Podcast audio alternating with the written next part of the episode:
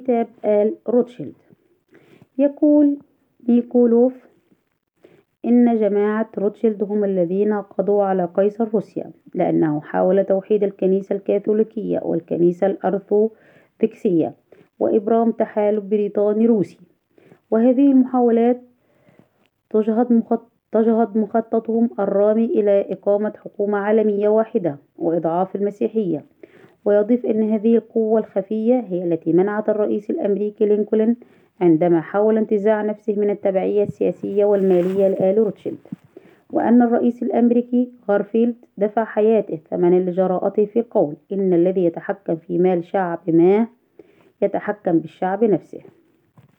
وقال ديزرائيلي في مذكراته التي كان عنوانها كان غر كاننغزباي بأن روتشيلد هو الذي يفتعل كل ثروات ثورات العالم. لكن الجدير بالذكر أن ديزرائيلي لم يجهر بهذا الرأي في حياته وإنما ظهر ذلك في مذكراته التي طبعت بعد وفاته.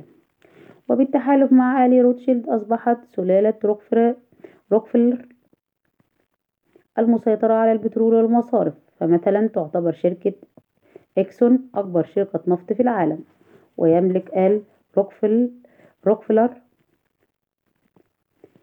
سيتي بانك وتشيز مانهاتن بانك والأخير ثالث مصرفي ثالث مصرف في العالم. أما المصرف الأكبر في العالم فهو بنك أوف أمريكا الذي توجد رئاسته في كاليفورنيا وتملكه أسرة روتشيلد على أن بين المصرفين ارتباطا شديدا. وما يملكه تشيز مانهاتن يزيد عن ثروات كثيرة من دول العالم. وكان ديفيد روكفلر يلتقي برؤساء الدول بما يزيد عما يفعله أي رئيس وتشرف مصارفه على شركات التأمين الأكبر في العالم وشركات خطوط جوية وأكبر الاتحادات الصناعية مثل آي بي إم وشركات موبيل وتكسكو وتكسكو وبوينغ وكتشير وكسل بالإضافة إلى شركة الاتصالات العالمية العملاقة ET and EMPT التي اتهمت بأنها وراء عملية التجسس والقصف التي قادت لاغتيال رئيس تشيلي المنتخب الاشتراكي سلفادور اليندي ويفيد نيكولوف أن سلالة روكفلر تتهرب من الضرائب مثلها مثل الكثير من المؤسسات المالية الضخمة. عبر إنشاء المؤسسات الخيرية حتى تعفي أرباح مؤسساتهم من الضرائب بادعاء التبرع للعمل الخيري لأنه معفي من الضرائب وهكذا أنشأ آل روكفلر معهدا للأبحاث الطبية وعددا من العناوين الاجتماعية باعتبارها مؤسسات خيرية إنسانية لماذا يدعم روكفلر ورفاقه الأنظمة الشيوعية؟ هذا السؤال يلح في طريق في طرح نفسه إذ يبدو لأول وهلة عدم منطقيته أن يدعم كبار الرأسماليين الأنظمة الشيوعية التي تعادل الرأسمالية. لكن يوكلوف يسارع للإفادة. بالقول أن مئات ملايين الدولارات التي قدمها آل روكفلر وكبار الرأسماليين الغربيين تصرف في الحقيقة إلى إزالة المنافسة ومن ثم فهم يدعمون الأنظمة الشيوعية لأنها ستضمن لهم عدم قيام المبادرة الخاصة وتقاوم التنافس لصالح هؤلاء الرأسماليين. وأسهل وسيلة لذلك هو دعم هو دعم أنظمة تسيطر على التجارة والمصارف والثروات الوطنية عبر استخدام سلطانها القاهر. ويقول نيكولوف إن روسيا كانت تسجل قبل الثروة قبل الثورة الشيوعية نهوضا صناعيا واقتصاديا مستمرا ينافس التفوق الصناعي الأمريكي. فصناعة البترول في روسيا مثلا كانت قبل الثورة تتبوأ المرتبة الأولى عالميا من حيث الإنتاج.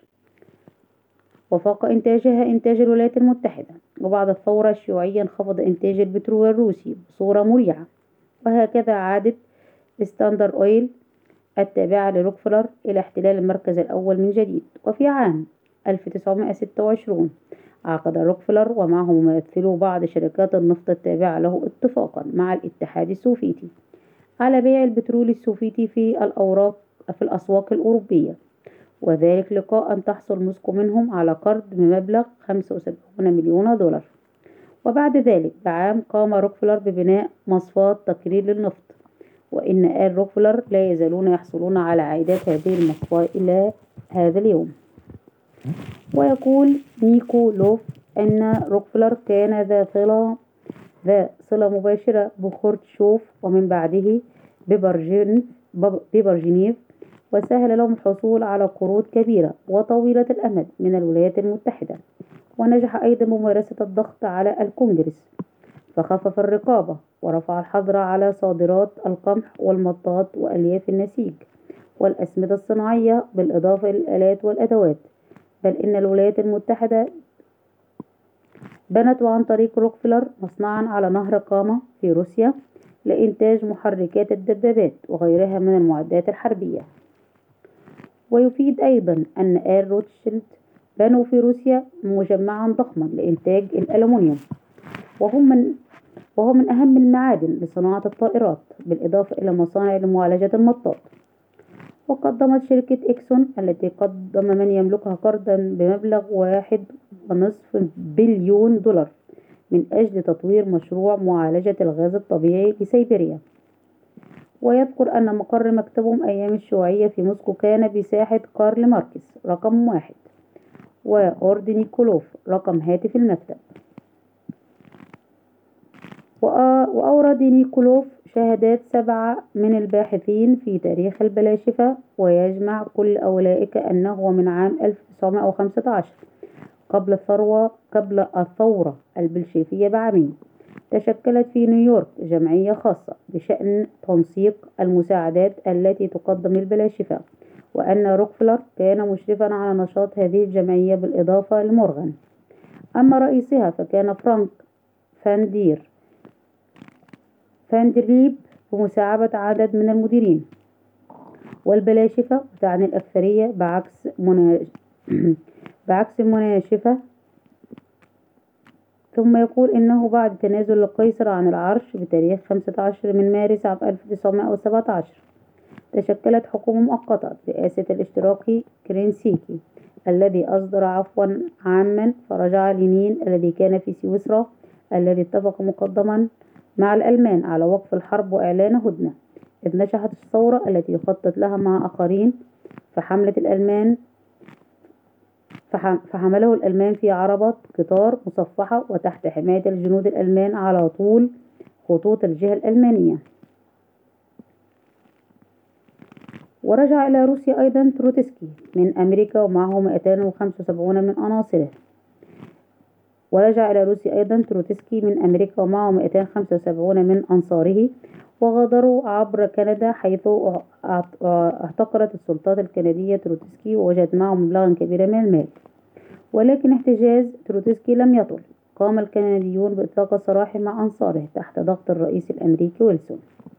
وباجتماع شمل لينين وتروتسكي وأيضا ستالين الذي شمله العفو فعاد من منفاه في سيبيريا فأكمل التخطيط للثورة. فنجحت في خريف عام 1917 وأورد نيكولوف أرقام وثائق من الكونجرس بتواريخها. تثبت مبالغ ملايين دولارات الدعم السري الذي كانت ترسله السلطات الأمريكية بضغط من الرأسماليين المتنفذين لدعم الثورة الشيوعية.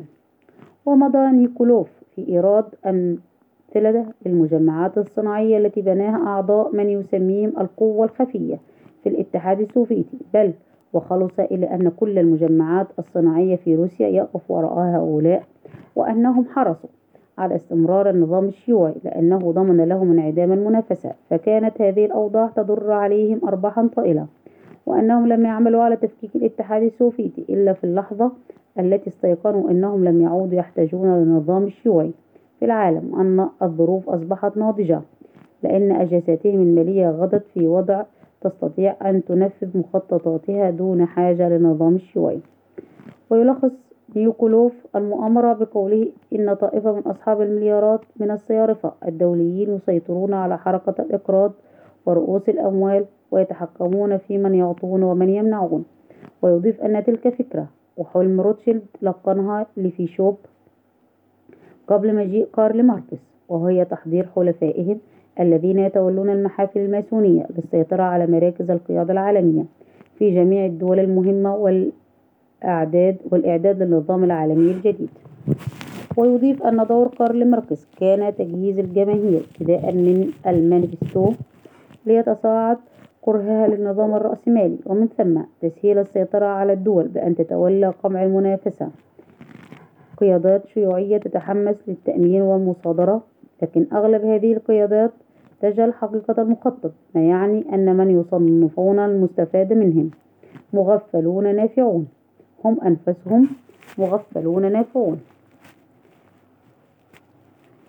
ويورد نيكولوف أسماء شخصيات عالمية كبيرة يقول إنها من بين قيادات القوى الخفية التي تنفذ المخطط ويستدل على ذلك بشهادات باحثين وكتاب. نحو نحوه. نحو نحوه. ومن مضابط لجنة الروابط ومن الخارج أمام لجنة مجلس الشيوخ للشؤون الخارجية يورد نيكولوف إفادة جيمس فارنبورغ سليل أسرة فارنبورغ التي أشرنا إليها آنفا والتي جاء فيها ما نصه إننا سوف نحكم العالم بصرف النظر إذا كنتم تريدون ذلك أم لا ولا سوف نصل لغايتنا بطريق الغزو والإقتحام أو الرضا. وكان بروفيسور أمريكا أجرى بحثًا أكاديميًا عن تغلغل اليهود في كليات العلوم الاجتماعية في الجامعات الأمريكية وخرج بنتائج غريبة. نذكر نذكر منها مثالًا واحدًا. نسبة اليهود في أمريكا حوالي 2.7% وربما لم يتكلم أحد بالتفصيل عن آل روتشيلد وعن الطريقة التي يحكمون بها العالم ويدحرون الشعوب فالكتب التي تتناولهم تظهر وتختفي سريعا مثل الروتشيلديون لجون زيفرو زيفر وروتشيلديون لديماشي وهو النوع من الكتب على ندرته لا يصور الجانب السياسي من حياة هذه الأسرة الفاسدة. التي يمكن أن تنسب إليها على الأقل نصف الدماء التي سفكت والكوارث التي حلت بالعنصر الأبيض منذ سنة 1770 ومن أهم الكتب التي ألفت في الموضوع كتاب حكومة العالم الخفية للمؤلف شيريب سبير ييدوفيتش الذي يكشف عن جوانب مهمة من الأنشطة اليهودية في أوروبا ويلقي الضوء على تاريخ أسرة روتشيلد واغتيالات قياصرة روسيا. وآثار النشاط الصهيوني في أوروبا وأمريكا كما يكشف فيه عن كم من الحوادث والأسرار التاريخية. ويبين ما سيحدث إذا بقيت عصابة المجرمين الروتشيلديين تعمل على قيادة العالم إلى الدمار ويوضح الطريق لصنع رجال الدولة كما يبين كيفية إنقاذ البشرية من الدمار. والمؤلف من كتابته من كتابته لهذه لهذا الكتاب ينطلق من قناعة كاملة بوجود هيئة يهودية لها صفة عالمية قدر عدد أفرادها في أوائل القرن قدر عدد أفرادها في أوائل القرن العشرين. مثالها في مئة رجل يهودي. يرأسهم أحدهم نظام ديكتاتوري استبدادي ويعملون وفق خطة قديمة مرسومة للسيطرة على العالم. فهو عبارة عن حكومة خفية تحكم الشعوب بواسطة عملائها. ولا تتوانى عن قتل أو تحطيم كل مسؤول يحاول الخروج عن طاعتها أو يقف حجر عثرة في سبيل تنفيذ مخططاتها ولها من النفوذ والقدوة والقدرة في نظره ما يجعلها قادرة على إيصال أي حقير على إلى الزعامة وقمة المسؤولية وتحطيم أي قائد.